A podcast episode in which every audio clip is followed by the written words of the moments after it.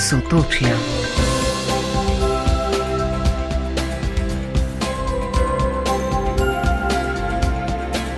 Dober večer, lepo pozdravljeni vsi, ki ste se odločili za družbo rojakin in rojakov iz sosednjih držav.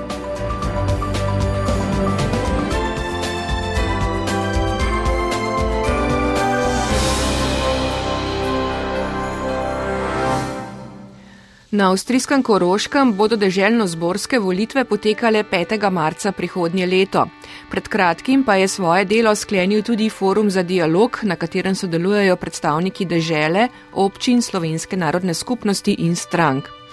Na zadnji seji so med drugim razpravljali tudi o raziskavi javnega mnenja inštituta OGM, ki je naročil urad zvezdnega kanclerja in s katero so preverjali rabo slovenščine ter perspektive slovenske narodne skupnosti.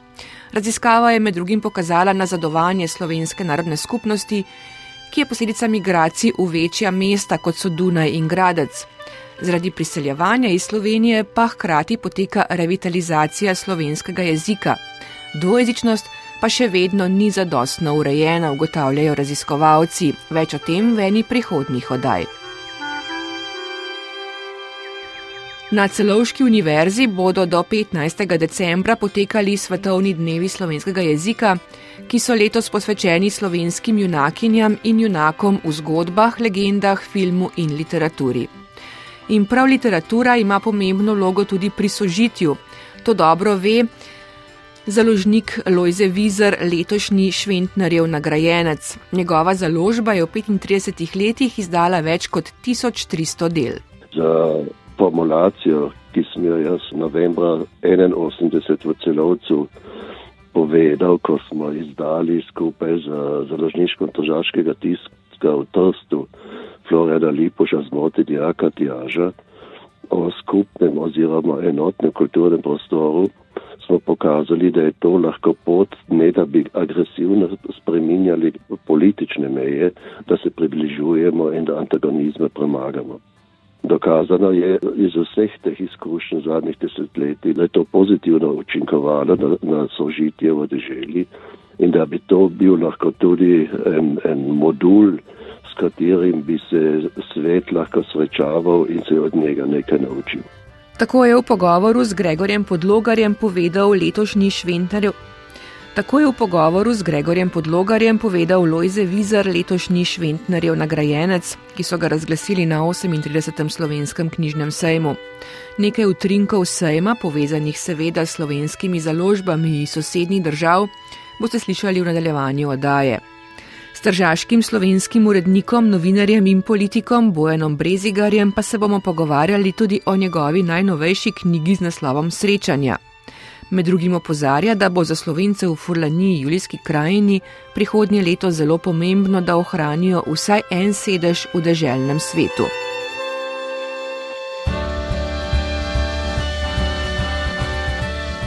Nocoj se ustavimo tudi na reki, kjer je tamkajšnje kulturno-prosvetno društvo Bazovica slovesno obeležilo 75-letnico delovanja. Za 120-letnico delovanja pa bomo čestitali še katoliškemu prosvetnemu društvu Planina Isel na avstrijskem Koroškem. Gostili bomo tudi Pavla Zablatnika iz slovenskega oddelka katoliške akcije Krške škofije in novo strokovno sodelavko Zveze slovencev na Mačarskem Lilo Bugan. Najprej pa gremo na morje. Sotočijo.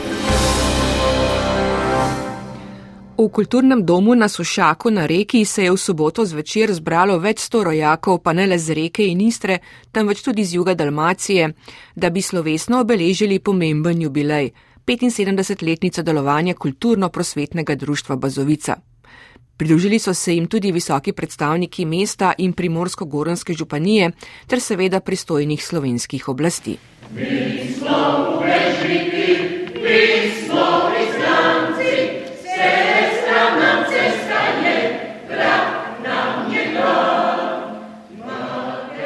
Tako se je z nastopom mešanega pevskega zbora Bazovica začela slovesnost o pomembnem jubileju društva, za katerega ima pomembne zasluge Zora Avsec, prva predsednica društva.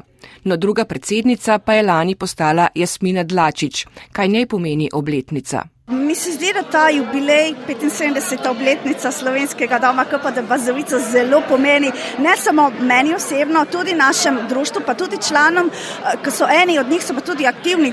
Celo to obdobje.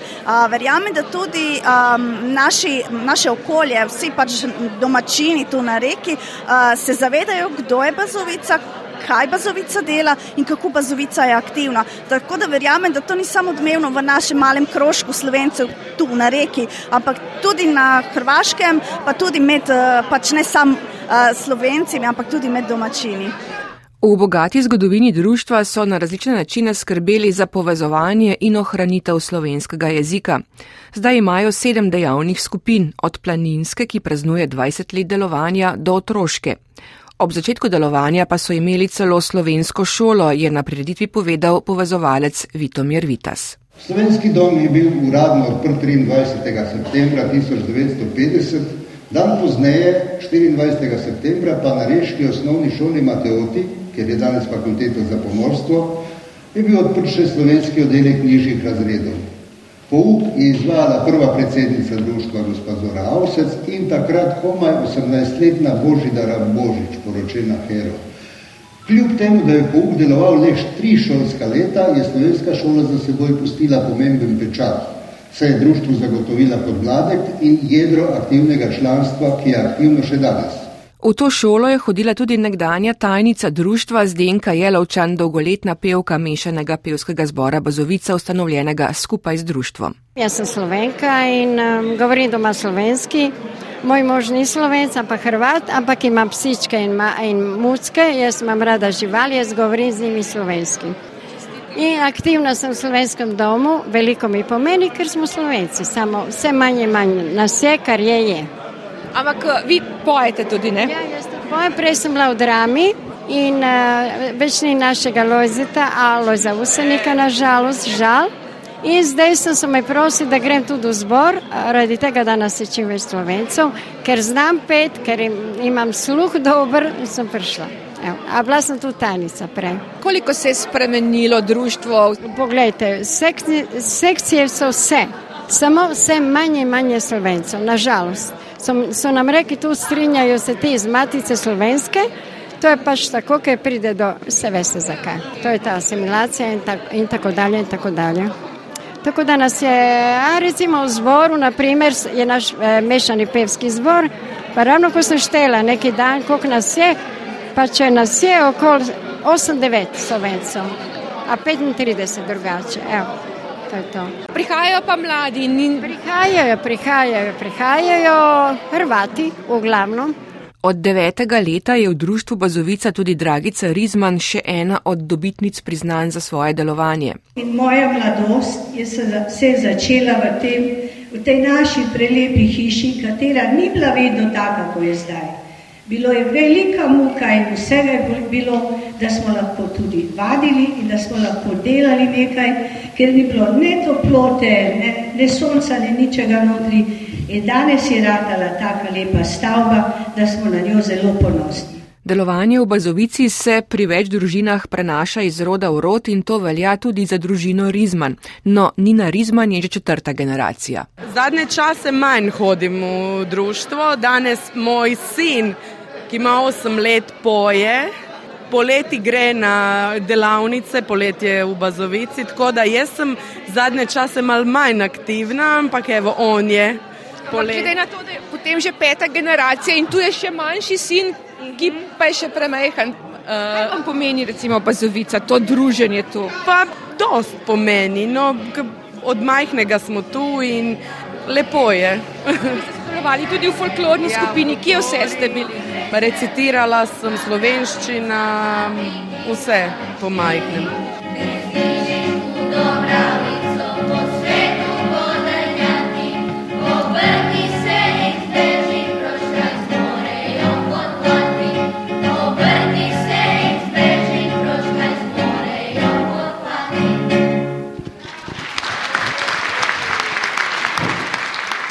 Tesno je z Bazovico povezan tudi Bojan Grlica, njegove karikature Egona oziroma Ega krasijo društveno glasilo Sopotja in so tudi njegovega predhodnika Kažipot. Od 150 jih je 80 izbral za razstavo ob jubileju.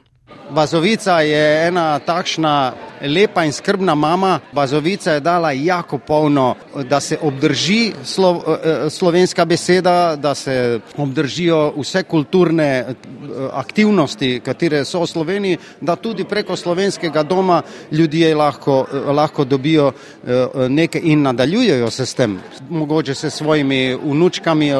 Polno ljudi je družinske veze naredilo skozi bazovico. Se ne mora biti, da slovenci ali slovenka je se slovencem in to tudi na tak način gre naprej uh, slovenska beseda in, in, in vse to skupaj. Ne. Martina Grlica pa je članica folklorne skupine že več kot 20 let. Plesati sem začela s petimi leti, uh, pauzo sem imela med študiranjem, ko sem študirala v Ljubljani. Uh, pol, ko sem se vrnila na reko, sem se spet vključila v folklorno skupino. Eh, torej, vse skupaj uh, nekaj več od 20 let. Izkušnje so mi zelo lepe, uh, imamo super družbo, potu, potujemo povsod. Kakšne plese vse plešete? Plešemo veliko slovenskih plesov, imamo gorenski splet, danes premjerno koroški, pa primorski. Pa tudi hrvaške plese, slavonski, istrski ples, plešemo tudi ero, uh, res uh, imamo lep repertoar.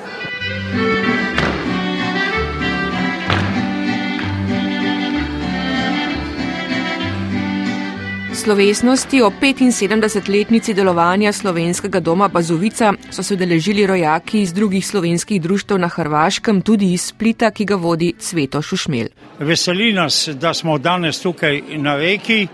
Tudi oni k nam prihajajo, imamo stike z vseh 16 slovenskih društev na Hrvaškem. Mi smo eh, lansko leto tudi praznovali 30. obletnico. To ni tako velika kot ta, ampak veseli nas.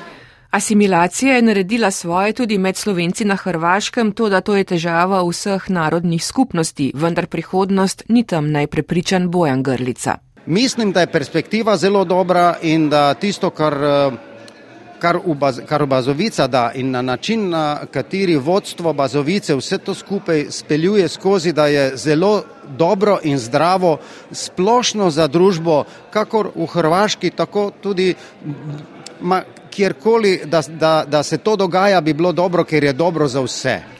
In želje? Oh, za prihodnjih deset let, a, da bi tudi v takem številu delovali da bi mogoče še malo bolj okrepili delovanje mladih, ker vidimo, da nekako mladi, ki so že, jaz bi rekla, asimilirani, dokler tu pač so njihovi starši ali pa stari starši prišli e, in da bi te mlade povabili v društvo. V Bazovici nekako to poskusimo e, z našimi delavnicami za otroke, ki so poleti so pač tri tedenske delavnice, tako da verjamem, da tudi skozi učenje jezika, ki je pač kot dopolnilni pouk ali pa tudi v šolah, ki imamo po modelu C, imamo učenje v uh, osnovnih, srednjih šolah in tudi na fakultetski ravni. Uh, verjamem, da na ta način nekako bomo pritegnili mlade, da se zavedajo slovenskega jezika in kulture in seveda.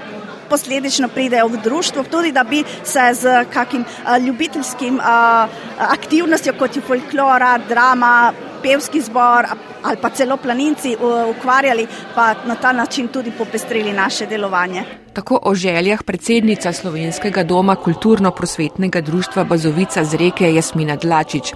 Še na mnoga leta jim želimo.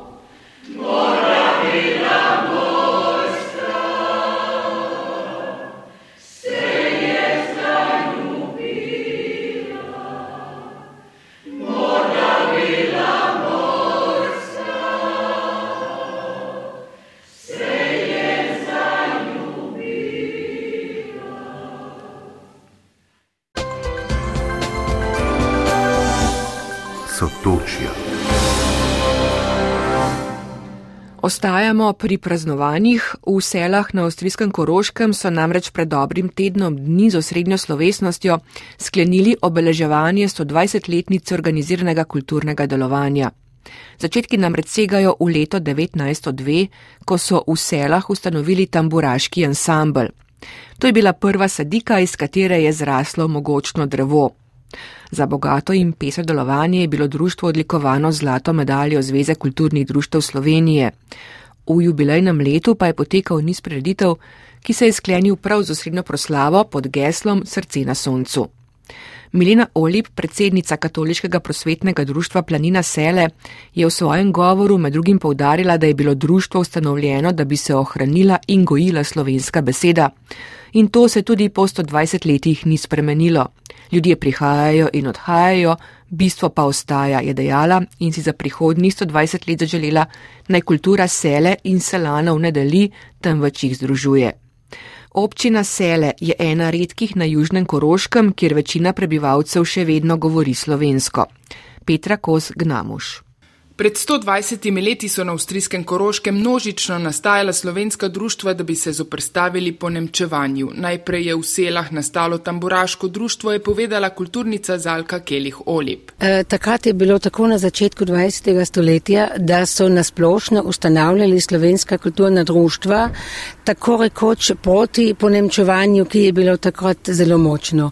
In tako je tudi v selah nastalo tamburaško društvo in iz tega se je razvilo to društvo KPD Planina. E, to je bil en občinski tajnik Valentin Jug, on je bil ustanovitelj tamboraškega društva in tako je pol šlo naprej. Se je razvilo e, v vse druge dejavnosti, pevska, glasbena, e, pozneje tudi plesna in knjižnica je bila takrat zelo močna, izobraževalna dejavnost je bila zelo močna in tako se je potem eh, razvilo naprej. Eh, društvo je seveda moralo preživeti obe vojni.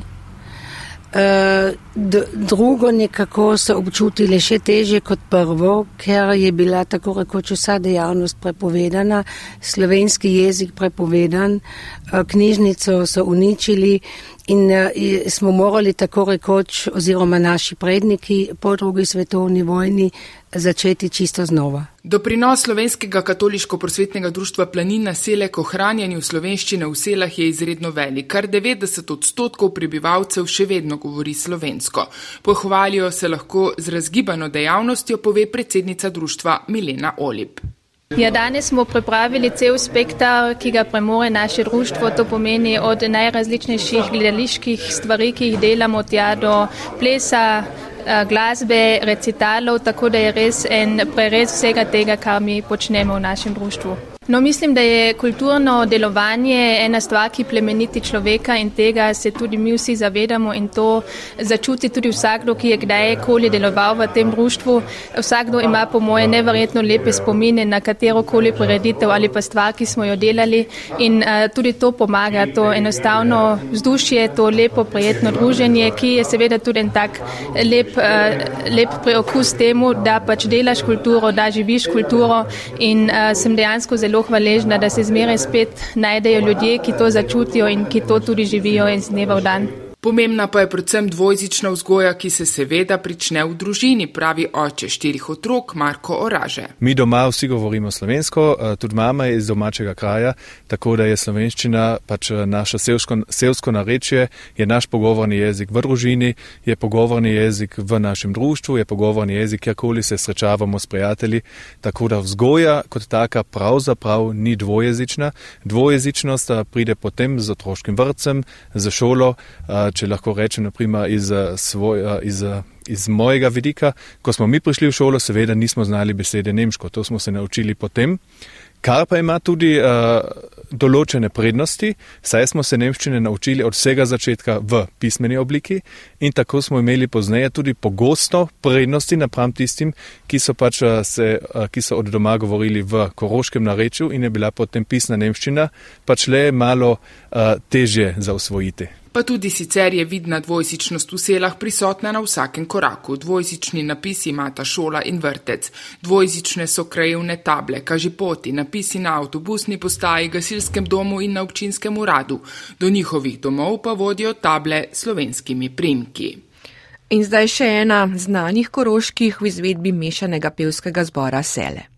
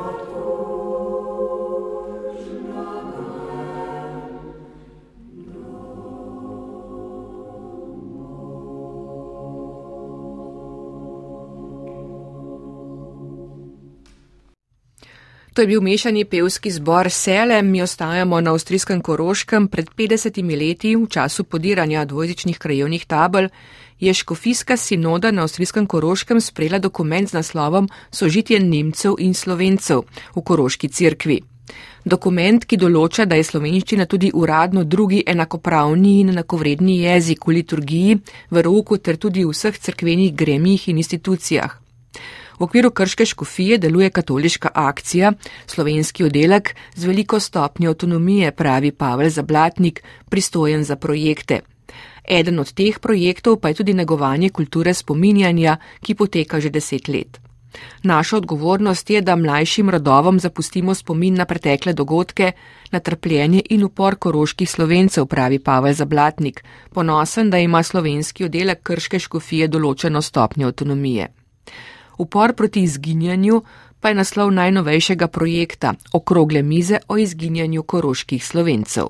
To pomeni, da eh, se po eni strani upiramo ali pa eh, oziramo na naše prednike, na zglede in ti zgledi eh, predvsem drastično sežejo recimo nazaj v najhujše čase med drugo svetovno vojno, ko so se naši ljudje samo zaradi tega, ker so bili slovenci, slovenke, zaradi svoje kulture, jezika, eh, so eh, se upirali in žrtvovali za, za to tudi svoje življenje. Eh, in to, je, to so naši zgledi. In iz tega gradimo kulturo spominjanja. Mi smo potomci ne? in naša, naša odgovornost je, da mlajšim rodovom zapustimo kvalitetno kulturo spominjanja. In uh, En tak korak je tudi, da letno pripravljamo razpravo, v tem primeru podijsko razpravo in to v Škofijski hiši, ker smo cekvena ustanova, v celovcu. To je centralna hiša, eh, ki je v glavnem seveda nemško govoreča, eh, smo pa mi tudi seveda del eh, Krške škofije celo z nekim avtonomnim statusom. Nismo v škofijski hiši, tako rekoč, nastanjeni, temveč v slovenski hiši Mohorjevi, na jugu mesta. In to mi močno zagovarjamo, čeprav bi si lahko človek predstavljal, bi bilo cenejši vsi skupaj in tako, ne kakorkoli. Tudi to je neki, ne, neki izraz volje do, do življenja, do, do samobitnosti. Živeti, avtonomijo, določeno avtonomijo in tudi zahtevati, da se ta posebni status tudi primerno financira preprosto. In to do danes uspe.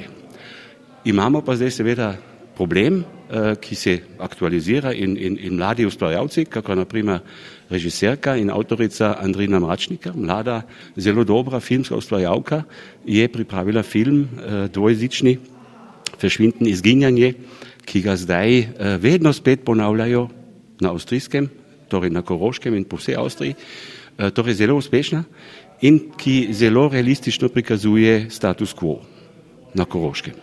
In ta je bolj žalosten. Zdaj pa, zdaj pa kaj, kaj bomo zdaj? Zdaj bi človek lahko začel jamrati pa rekel, jo, vse je mimo, vse je izgubljeno in tako dalje. Ne, rečemo, dajmo se spomniti naših prednikov, ki so v še hujših okoliščinah tudi preživeli in, in dajmo iskati oblike upora proti izginjanju. In to, točno to vprašanje bomo diskutirali v torek 29. novembra ob sedmih zvečer v Škofijski hiši v Celovcu. Tam bomo oba jezika zelo enakovredno predstavili s tem, da bomo simultano prevajali, ne, nekateri vprašajo, jo, čemu to itak vse razumete, dva jezika, ja, nekateri smo že dvojezični, ampak, ampak večina na Koroškem je pa enojezična, torej samo nemško znajo, ne. In čim mi ostajamo v svojem slovenskem jeziku, nas ne razumejo in pričakujejo, da jim mi prevajamo ali pa da se, da se kar nekako predstavimo v nemščino, ne. In to je, to je ena taka, taka, to je en tak, bi rekel, stvarnost vsakdana, ki je tudi vzrok za to, da izginjamo. Zato demonstrativno simultano prevajanje. To, to je ena, bi rekel, to, to je ena normalnost v skupni Evropi, da prevajamo, stalno prevajamo, in, in to je nekaj samoumevnega, medtem tudi Na Koroškem to ni tako. Ni tako enostavno, je treba razlagati, je treba, treba argumentirati, zakaj je to potrebno. In no, smo zbrali oziroma povabili zelo zanimive osebnosti, zgodovinarko Brigitte Entner, Peter Štetna, ki se, ki se zelo angažira kot osebnost v vprašanju razvijanja kulture spominjanja ne, v zvezi z Mauthausenom pa, pa, pa druga svetovna vojna in tako naprej dva politologa, torej Avstrijko Katrin Steiner Hemele, ki na Koroškem živi, je pa, je pa pred Arelčanka, in pa naš domačin, rojak Karl Ren, politolog in tudi ravnatelj Mohorjeve v celovcu, ne direktor Mohorjeve. Pa seveda Andrina Mračnika, režiserka pride, pa še glas mladine bomo, bomo povabili, tako da zelo zanimiv krok. Moderiral bo pa tudi zanimivo, ne? tudi naš vojak, doktor Daniel Vuti, ne, tudi Korošec Slovenc, ki je specialist oziroma znanstveno se ukvarja kultura spominjanja, travme, ki jih tako rekoč iz roda v rod eh, dajemo, a ne, če nismo v stanju jih pravočasno zadovoljivo reševati. Tako Pavel Zablatnik iz slovenskega oddelka katoliške akcije v celovcu. No, na jutrišnji okrogli mizi bodo med drugim sodelovali režiserka nagrajenega filma Izginjanje Fršvinden Andrina Mračnikar, zgodovinarka Brigitte Entner, politologa doktorica Katrin Steiner Hemerle in dr. Karl Hren, direktor Mohorjeve. Povezoval pa bo dr. Daniel Vuti z Visoke pedagoške šole v celovcu.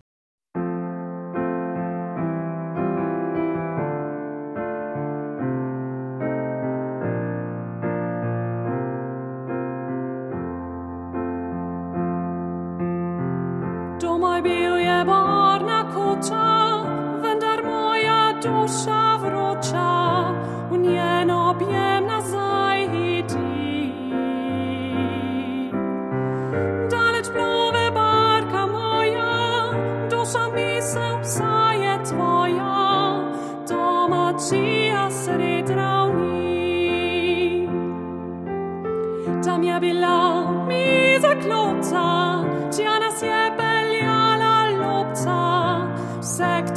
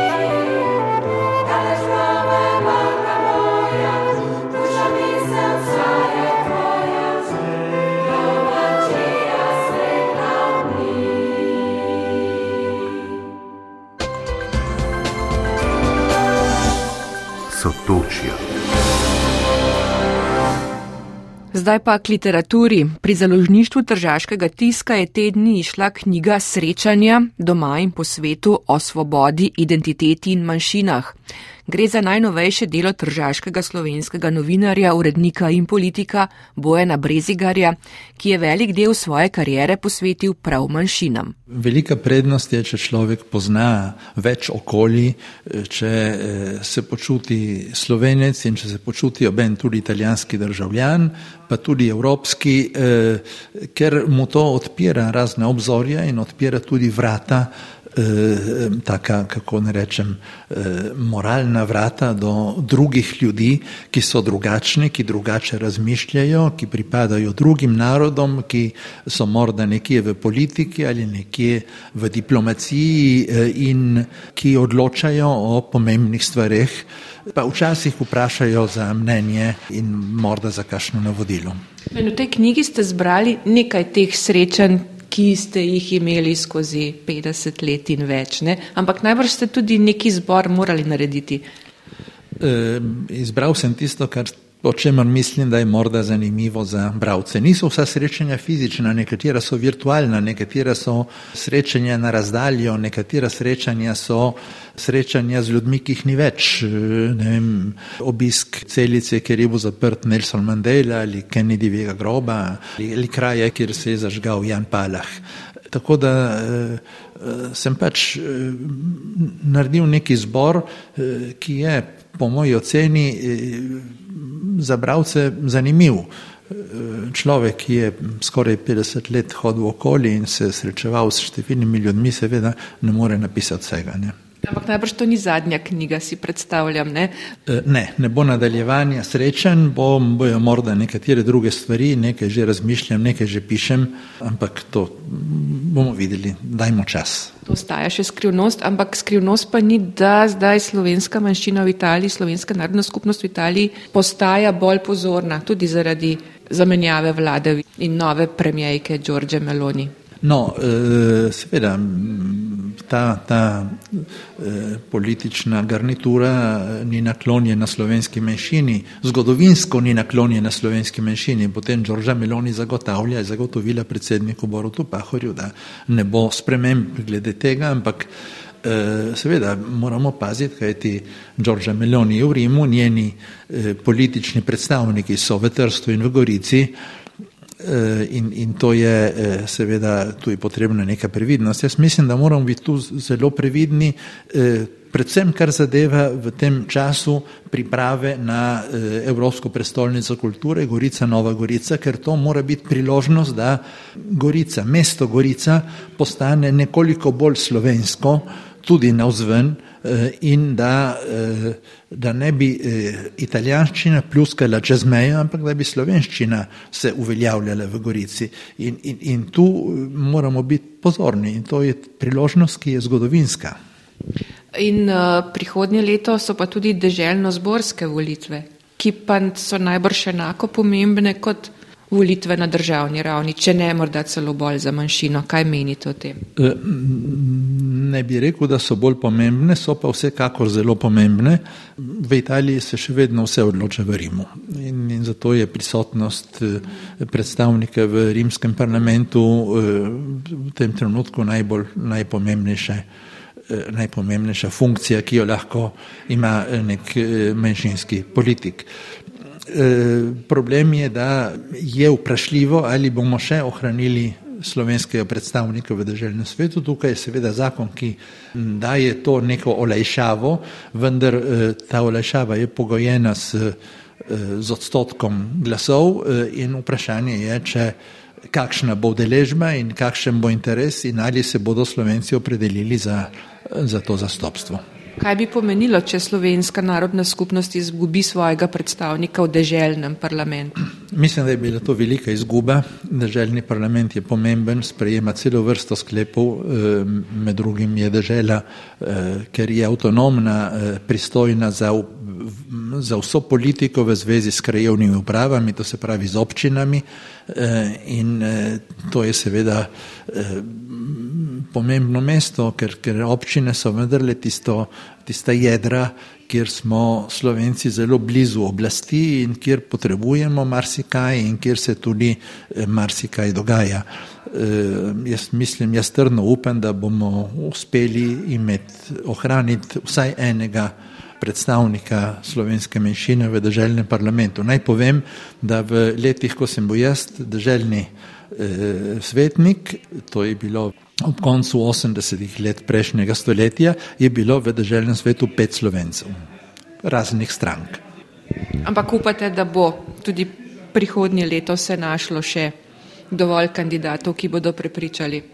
Upamo, da ja. E, potem vprašanje je tudi, kakšni bojo odnosi voljivcev med e, raznimi opcijami, ker e, tudi od tega je odvisno ali bo nekdo izvoljen ali ne bo izvoljen, neodvisno samo od, od eh, slovenskih voljivcev.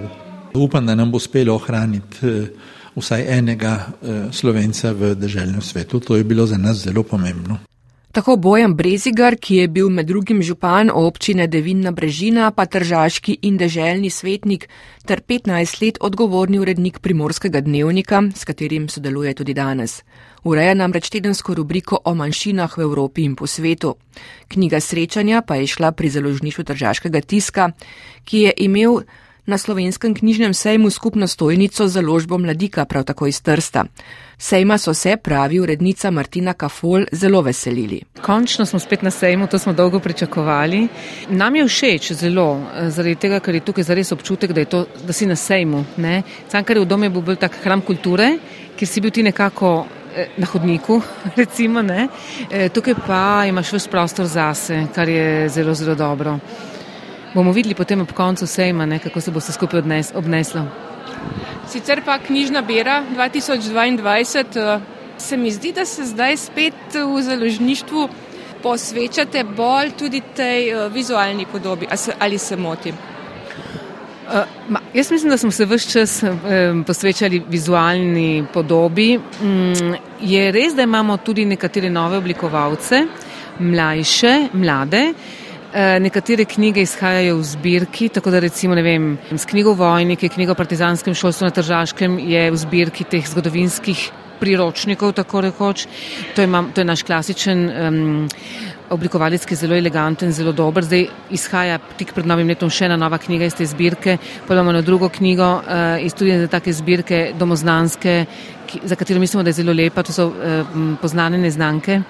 Um, Vojko Takocijančiča in to je tudi spada tako nekako v isto linijo in pa imamo nekaj mlajših oblikovalcev, kot imamo tudi nekaj mlajših avtorjev, kot imamo tudi nekaj mlajših ilustratorjev. Če se zelo veselimo. Mislim, da je v zadnjih časih naš, naš trud zelo veliko dajemo v to, da pridobimo nove mlade sile. Eh, zelo se zauzemamo za to. Mm, zelo veseli bi bili, če bi pristopilo k nam še več mladih. Včasih prihaja zdaj več mladih Slovenije, ampak želeli bi tudi mlade z našega prostora in se mi zdi, kot da nam zdaj počasi uspeva. Bomo videli prihodnje leto, kaj bomo znali pokazati. Je kakšno tako delo, ki bi ga še posebej izpostavili letos? Meni osebno je zelo všeč knjiga vseh sort starši in otroci. Sem dolgo pričakovala to izid knjige, ker sem že sledila tem eh, pripovedim, ko so izhajale v Galebu. Maša Ogrize, ki je po mojem izjemna avtorica, ne samo zaradi tega, ker zna čudovito napisati stvari, ima izjemen jezik, ampak tudi obliko, ampak tudi zaradi zgodb kot takih, zato ker so zgodbe, ki so tako za otroke kot za odrasle. In tako bi omenila še eno drugo knjigo, že spet, ki naj bi se recimo rodila v, eh, v krogu otroške književnosti v, v sklopu Galeba ampak je tudi ta knjiga, po mojem, bo zelo zanimiva tudi za vse nas odrasle, tako zelo medgeneracijska. Gre pa za m, priročnik, povem zgodbo, ki je šel v obrodarju in m, mislim, to je tudi trenutek, ko vsi tako ali drugače zelo sledimo vsem tem tečajem delavnic kreativnega pisanja, pripovedovanja, pravličarstva in ta knjiga nam bo pomagala, da malček razvijemo te naše veščine v pripovedovanju. In mislim, da se bomo tega lotili Eh, na zelo tak bolj tehten način tudi v prihodnjem letu. Tako da ta knjiga bo ena super spodbuda. Tudi za recimo šole s slovenskim učnim jezikom v Italiji? Vsekakor. Začetni impuls je bil prav ta. Eh, to, za kar se zelo, zelo zauzemamo vse čas, je, da ustvarjamo nek material, neko gradivo, ki bi lahko eh, pomagalo učiteljicam, staršem, da vzgajajo slovenščini svoje otroke, da bi bile tudi privlačen za otroke. Imamo veliko zadoščenja, ko prihajajo sem naši otroci na, na izlet in uh, vsi prepoznajo naše knjige, so zadovoljni in celo kupijo pri nas naše knjige, kar je smešno, zaradi tega, ker bi jih lahko kupili v Trstu. E, ampak so navezani. Um, tako da to je naša, mislim, to je ena od naših prvih skrbine in uh, zares se vse čas sprašujemo, kako naprej. Otroška populacija se zelo spreminja. Spreminjajo se kompetence v jeziku, znanje jezika, razumevanje jezika, In uh, naš cilj je, da ohranimo lep, čist, dober slovenski jezik in da to naredimo na tak način, da je otrokom uh, privlačen, da jim je všeč. Tako Martina Kafol, urednica založništva Tržaškega tiska, ko smo pri založbah, poleg celovške Mohorjeve, je bila na knjižnem sejmu v Novi tudi manjša založba Fran, koroškega slovenca Franca Markača, ki se vse bolj posveča slikanicam za otroke, male in velike. Letos sem zelo zadovoljen, ker je ta sejem tu bolj pretočen, odprt, lahko dihamo in uh, mislim, da je celo več obiska, kot pa je v Cankarovem domu, vse najbrž zato, ker bil sem tam drugi kleti in tu sem pa v isti etaži in najbrž pa vse sejem obiščejo vsi. Torej, slikanice sem pa začel zalagati zadnje dve leti. V pandemiji smo izdali slikanico Maje Smotlak iz Kopra ki je ilustrirana Nana Homovec iz Ankarana, kar v treh jezikih, kajti Maja uh, je vešča italijanščine in založba je pa še prevedla v nemščino, tako da je to zanimiva izkušnja. Letos pa je se pridružila še iz Oseka pri Novi Gorici Tanja Badalič Vok, uh, svojo, bi skoraj da rekel, slikanico za odrasle, ker so besedila tako globoka in tako izpiljeno napisana, da bi jih eh, recimo otroci, osnovnošolci že kar s težavo eh, prebirali oziroma iskali vsebine, tako da so starši to izvani, da jim malo potolmačijo. Je pa sama ilustrirala in je čudovita slikanica. A je zanimanje za slikanice? Kakšen je vaš vtis? Se ljudje zanimajo za to vrstna dela zdaj bolj, kot so se recimo prej? Bolj ali pa manj tega ne moramo oceniti, ker smo prvič, ne, ampak eh, čutim, da je zanimanje, predvsem ker je kvalitetna ilustracija in je tudi eh, zelo dobra eh, jezikovna plat, ne, tako da prodaja tudi teče, ja. Uh, tako sem presenečen, sem do zdaj več prodal kot pa v Cankrajnem domu v kleti, v drugi kleti. Tako da sem jaz uh, zelo optimističen, da bo se jim uh, uspešen za založbico. Kako je pa na avstrijskem koroškem zanimanjem za vaše knjige? No ja, tam bi rekel, da malo šepa, zato ker je znanje slovenščine pač uh, malo že okrnjeno in je že včasih, uh, če odprejo, aha, bojo to otroci razumeli pa to in je malo to uh, že vzrok. Na drugi strani pa seveda ponudba nemških knjig tudi zelo velika in tista potem pliva in uh, slovenske založbe pa imajo vsak svojo ponudbo in trgovine oziroma uh, knjigarne, tako da uh, sem pač v začetku, a ne, tu si ne delam uh, velikih iluzij, Glavni trg je za me eh, v Sloveniji in eh, imam tudi distributerja, ki to uredi in tako da imajo knjižnice eh, in knjigarne najnovejše knjige založbe Fran. Od Franca Markača in njegove založbe Fran pa glasbi skupine Beka Evolution iz Benečije že dolgo nismo slišali, zato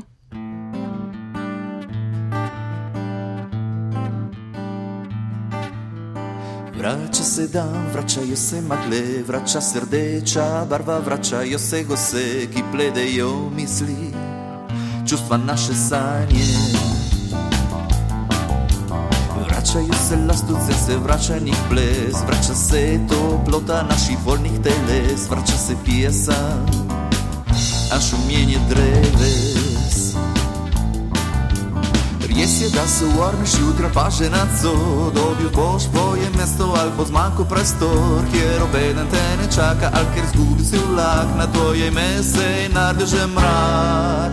Na tvoje ime kaze še črno oblak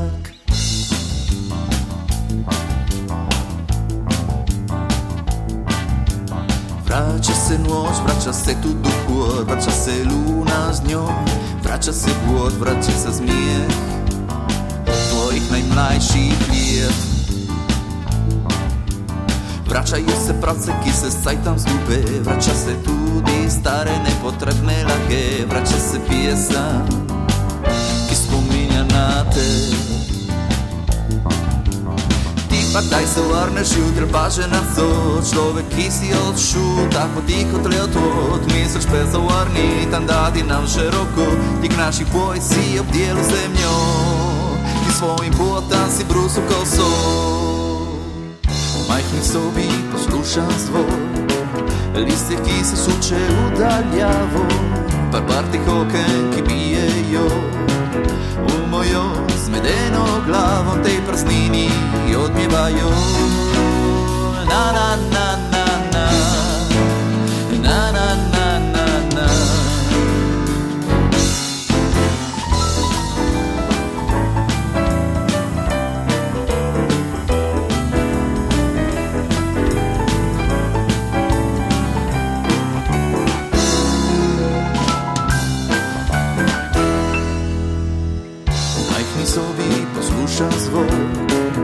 listja, ki se suče v daljavo, par partih okel, ki bijejo v mojo zmedeno glavo, tej praznini odmjevajo.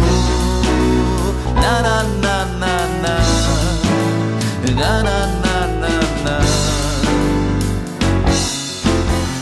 daj se uvarneš jutra paže na co Človek, ki si još šu, tako tiho tletot Miže sve zavarni, tam dati nam široko.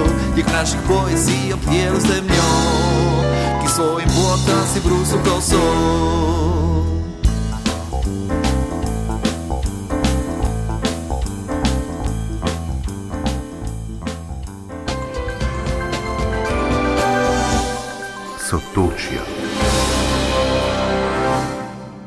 Iz Benečije smo prispeli še v porabje.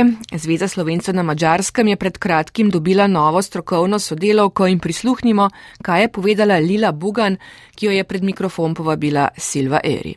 Kakšni so vaši prvi vtisi na novem delovnem mestu? Pri Zvezi Slovencev na Mačarskem delam od sredi septembra. Do takrat sem bila doma z otrokom. E, študirala sem e, kulturne študije na fakulteti za družbene vede in želela sem delati na področju svoje stroke. Zato meni je bilo samoumevno, da se javim na prosto delovno mesto in tudi na koncu študija sem opravljala strokovno prakso pri Zvezi Slovencev na Mačarskem, tako da takrat sem že malo spoznala delo tukaj.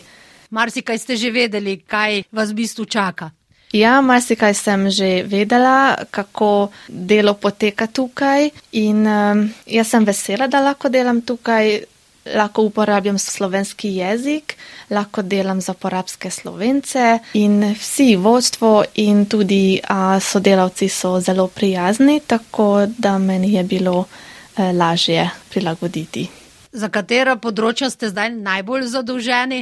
Organiziramo različne prireditve, razstave, programe za malčke, za odrasle tudi, poskrbimo za njihovih nastopov, organiziramo nastope v tujino, tudi tukaj v porabju na mačarskem. Odraščali ste v Sokolovcih, kakšna je bila vaša mladost? Trenutno jaz živim v Monoštru, ampak se vsak dan vozim v Sokolovce.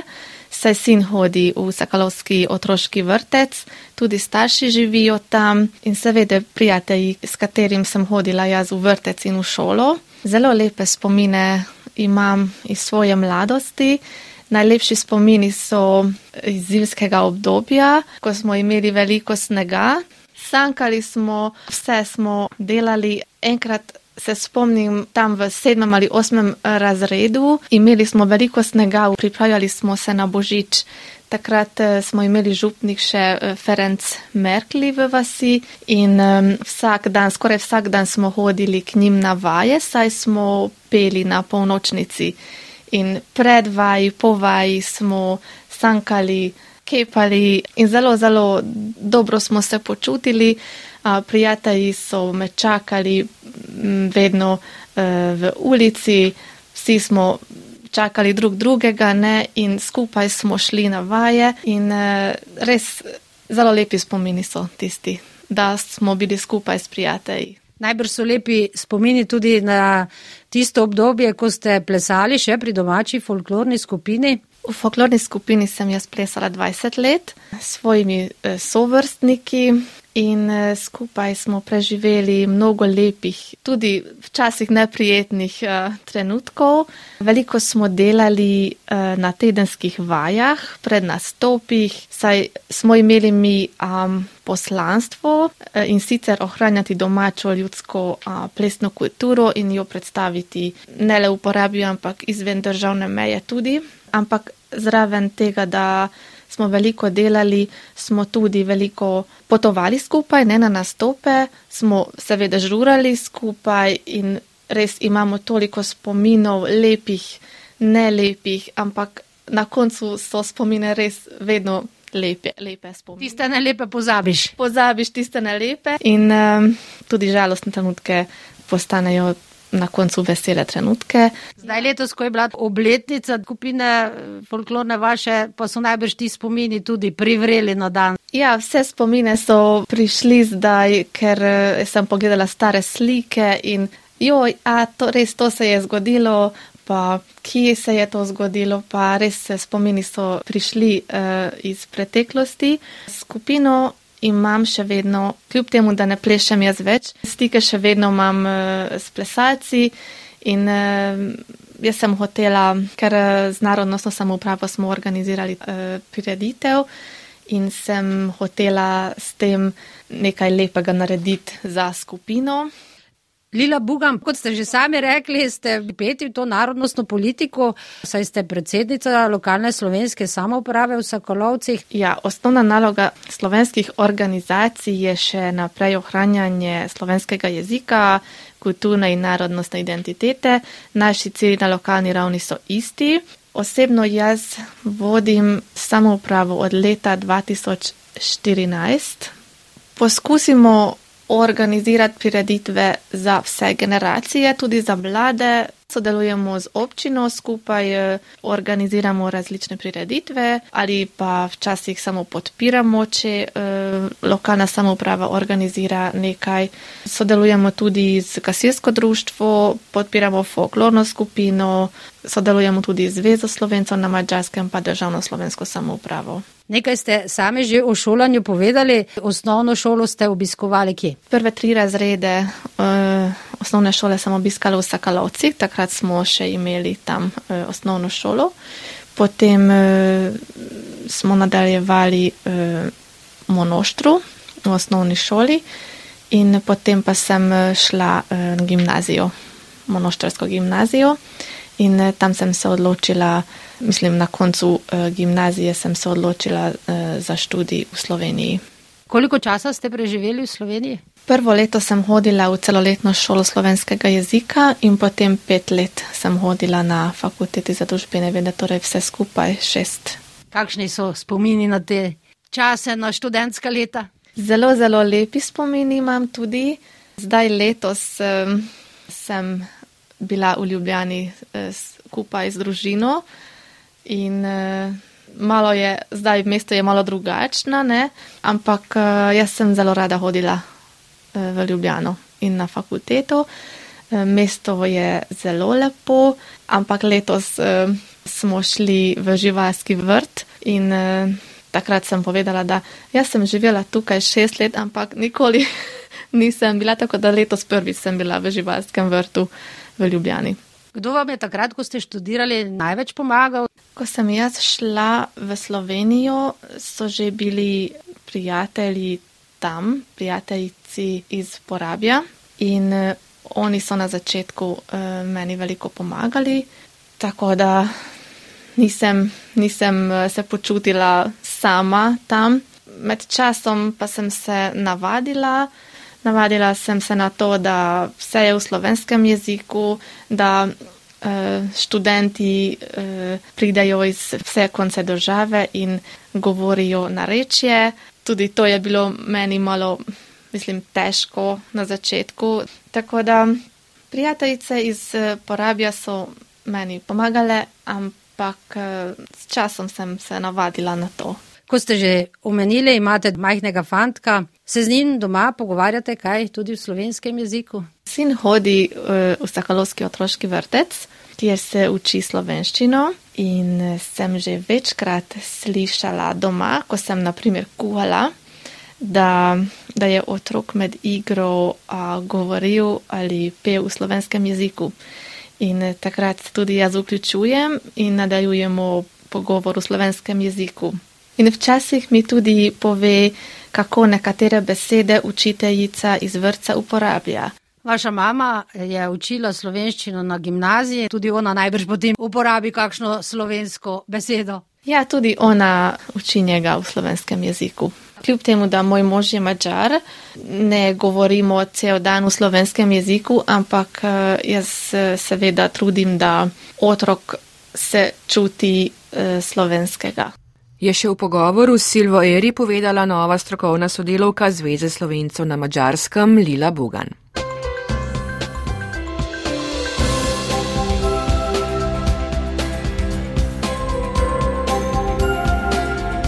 Sotočja so pri koncu, oddajo smo tokrat pripravili tonski mojster Franci Moder in novinarke Petra Kozgnamuš, Silva Eri in Mataja Železnikar.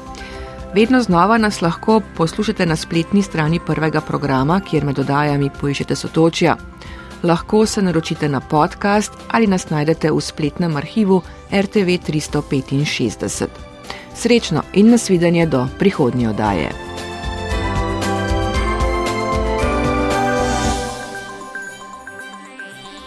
Sotočja.